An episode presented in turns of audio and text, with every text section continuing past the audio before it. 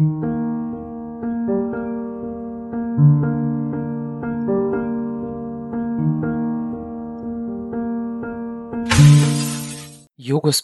Jugospora, Jugos, Jugospora, Jugos, Jugospora, Jugospora, Jugos, Jugospora. Dobrodošli na Jugosporu, na rubriku čitanje poezije i proze koju možda teško nalazimo. Danas ću pročitati tekst Zorana Pešića, kratku prozu, pod nazivom Nedopustivo duga jesen. Pripovetka je objavljena u časopisu Reč 1995. broj 13.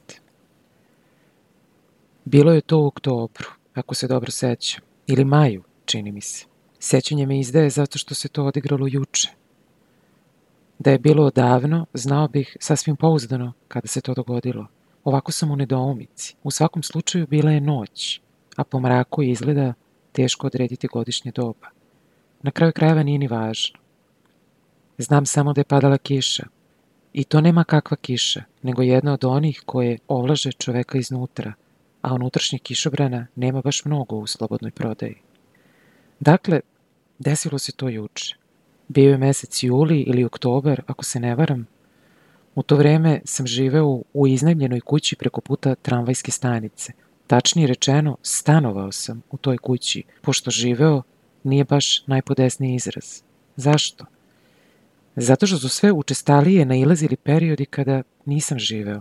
Samo sam oponašao život, posmatrajući druge kako to rade. Ujutro sam ustajao iz kreveta i odlazio u kupatilo da se obrijem pevušeći u sebi neku kič pesmicu. Posle brijanja, kada bih se dobro namočio kolonskom vodom, odlazio bih tramvajem na posao. Immanuel Kant i ja smo se, poput kazaljki sata, kada se poklapaju, stalno mimo ilazili na isto mesto i u isto vreme – svakog bogovetnog dana. Vodeći proizvođači časovnika bili su rešeni da nas tuže jer je naglo opala potražnja za njihovim proizvodima. Čak su nam javno zapretili da će nas ugraditi u veliki časovnik na glavnom trgu tako što bih ja, shodno svojoj visini, izigravao dužu, a Kant kraću kazaljku. Nimalo se nisam bojao tih pretnji jer sam u odnosu na svoju svakodnevicu Nimalo se nisam bojao tih pretnji jer sam u odnosu na svoju svakodnevicu, bez ikakvih problema mogao da predstavljam bilo koju kazaljku, bilo kog časovnika, a da ne osetim ni najmanju promenu u životu. Znači, stanovao sam u toj iznajmljenoj kući preko puta. Tačnije, ponekad sam stanovao, a ponekad ne. Čim bih prekoračio prag kuće i kročio nogom na ulicu, prestajao bih da stanujem i počinjao da ne stanujem. Zato sam radije ostao u kući jer je kirija bila veoma visoka. Nisam želeo da plaćam svoje odsustvo, ali juče, juče je bilo sasvim drugačije. Popodne sam zaboravio da uključim televizor i pogledam svoj omiljeni dodatak vestima, vremensku prognozu.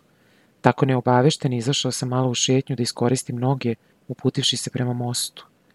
Volim da prelazim mostove jer tako mogu da od ozgu gledam u reku i u mislima vežbam samoubistvo. To leči živce. Međutim, Nisam čestito dospeo ni do sredine mosta kad iznenada poče da pada kiša. Da sam na vreme uključio televizor i saslušao vremensku prognozu, to ne bi bilo iznenada, ali ovako jest. Dobro, stego ramenima i poček da se vraćam kući po kišobran. Kiša se ubrzo pretvori u pljusak te uspori kretanje da malo pokisnem. U nameri da se sklone od nepogode, kod pazuhe mi sleteše dve ptice – Mogao sam lako da ih oteram, ali videvši ih onako promrzle, sažalih se i dopustih im da se tu privremeno nastane, makar dok se nevreme ne stiše. Razumeo sam njihovu potrebu da se ugnezde jer nevreme povećava stambenu vrednost kuće, kaže Baudelaire, a intenzivno stanuje samo onaj koji je umeo da se sćućuri, tvrdi Gaston Bachelard. Malo po malo i ptice me zavoleše, pa se sasvim nastaniše pod moje pazuhje. Posle mnoštva odletanja i doletanja, načiniše svoja gnezda od granja, slame i koje kakvih nežnih vlakana iz prirode. Mora da sam pomerio pameću kad ovo dopuštam. Padalo mi je često na pamet, jer sam novonastaloj ulozi morao da žrtvujem naglo pomjeranje ruku kako gnezda ne bi otpala.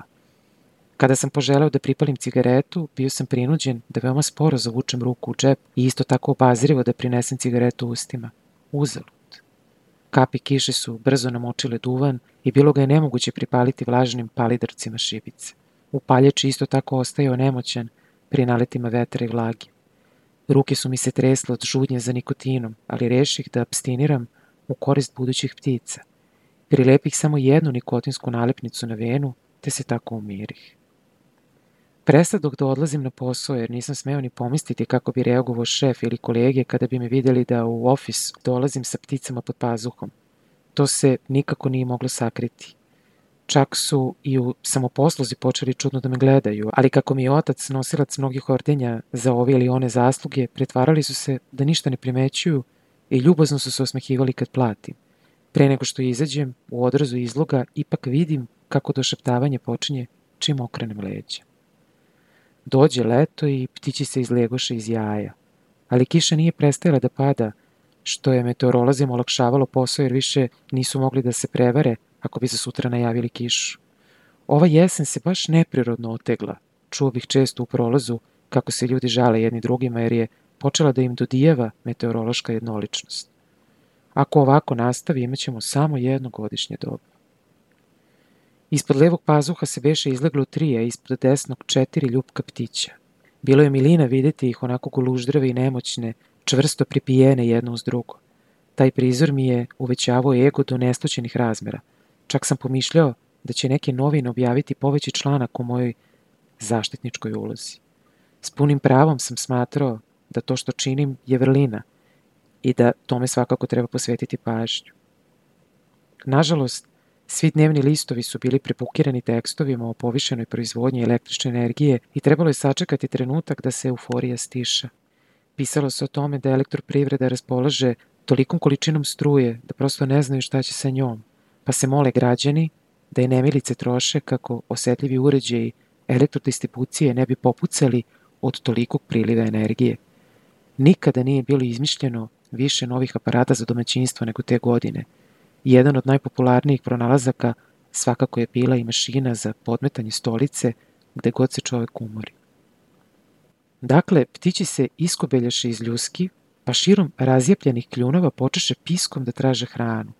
Njihove majke počeše da im je donose u kljunovima, obilazeći i pretražujući sva mesta gde se šta moglo naći. Onda u jedno vreme nastade problem jer, budući da sam se neprestano kretao, majkama je sve teže bilo da me pronaću, jer su u svom instinktu ipak zadržale predstavu o statičnosti svoje kuće. Stalno su grešile, vraćajući se sa hranom na mesta gde su me poslednji put ostavljale, misleći da će me tu i zateći. Pogotovo me nisu mogle lako naći ako bi po hranu odletele suviše daleko. Bilo je još i jednostavno dok su ležale na jajima. Zato u jedno vreme reših da prestanem sa kretanjem kako bih olakšao život ovim ljubkim stvorenjima. Jednog dana se zaustavih na sred široke poljane, rešim da tu ostanem sve dok ptići ne postanu sposobni da sami odlete – Kad sam već dovde izdržao, pomislih, izdržat ću do kraja. Dugo sam razmišljao da li da skoknem do kuće po kišobran, ali iz sujete ipak ne odoh po njega. Šta kopkalog me je ako pticama padne na pamet da svoja gnezda premeste ispod kišobrana? Gore između platna i žica ima zgodnijih mesta za gnezdo nego ispod mojih ramena. Zato sam radije kisnuo kako bih i dalje ostao važan.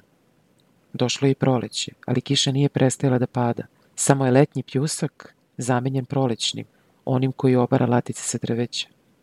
Službenicima Hidrometeorološkog zavoda dvostruko su povećane plate jer su u javnom mnjenju uvrežio opšti utisak da kiša ne pada zato što ona to hoće, nego zato što je meteorolozi najavljuju. Pečurke nisu nicele jer je za to bilo potrebno da kiša stane, ali su zato nicele specijalizovane radnje za popravku i prodaju kišobrana u svim bojama i veličinama.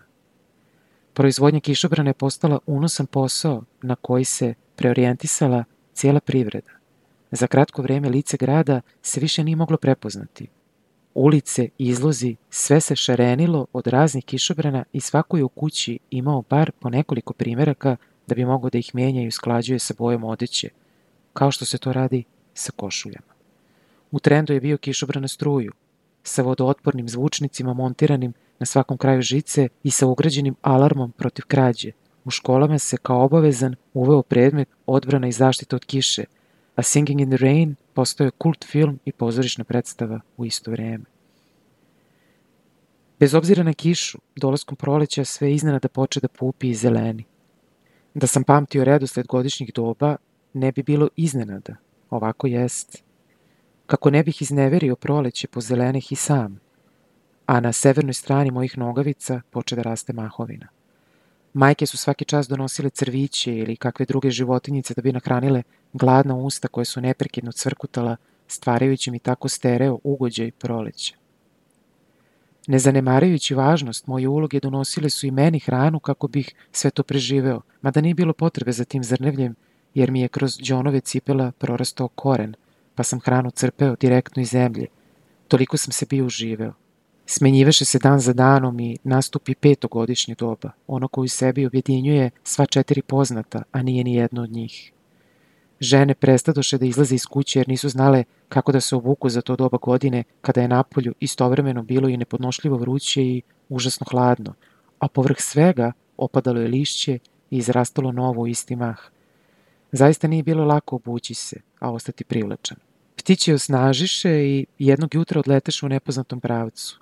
Ni njihove majke se više nisu pojavljivale, kao da im je instinkt govorio da je njihova uloga završena. Na pustom polju osadoh sam, što iz navike da tu stojim, što u nadi da će se neke druge ptice pojaviti i ispod mojih ramena sviti nova gnezda, ili preurediti već postojeće po svom ukusu i stečenim navikama.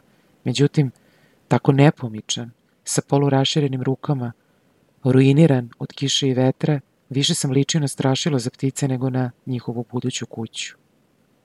Gorčina mi steže srce i reših da se ne pomeram odatle dok potpuno ne istrulim od vlage. Kako nesreća nikad ne dolazi sama, jedne večeri se na poljani pojavi poštar, prepozna me, prozbori nekoliko formalnosti i tutnu mi telegram pod pazuh, to jest u napuštenu gnezdu. Kada se udaljio, otvorih telegram i začudih se, primetivši da ga je poslao direktor preduzeća u kojem radim. U telegramu je nedvosmisleno stajalo da ću glatko dobiti otkaz ako sutra ne dođem na posao. Uplašen da će se to zaista obistiniti, požurih kući i poček da se pripremam za sutrašnji dan. Ujutru sam odlazio u kupatilo da se obrijem, pevušeći u sebi neku kič pesmicu. Kada bih se dobro namočio kolonskom vodom, odlazio bih čamcem na posao, pevušeći istu tu pesmu. Sve je bilo po starom, osim što kolege primetiše da ruke držim nekako neprirodno, kao da pod pazuhom nosim jaja, pa strahujem da ću ih slomiti ako priljubim ruke u stelu. Jednom sam, vraćajući se sa posla, zapazio nekog čoveka s bradom kako odvodi životinje iz zoološkog vrta i ukrcava ih na svoju barku. Prizor mi se učinio od nekud poznatim, ali odbrambeni mehanizam mi je naložio da prepoznatu sliku brzo zaboravim te događaj pretumačim kao preseljenje zoološkog vrta na novo mesto. Sa kantom se više nisam im ilazio na isto mesto i isto vreme što poče da me zabrinjava jer pomislih da žurim jedan minut ili kasnim. Međutim, utvrdivši da nije to u pitanju, počeh da strahujem da mu se nije šta desilo, dok jednog dana ne saznah da su ga ugradili u veliki časovnik na glavnom trgu i da je pitanje dana, a možda i sata, kada će i sa mnom da učine isto jer su mi, posle kraće pauze definitivno ušli u trag. Thank you.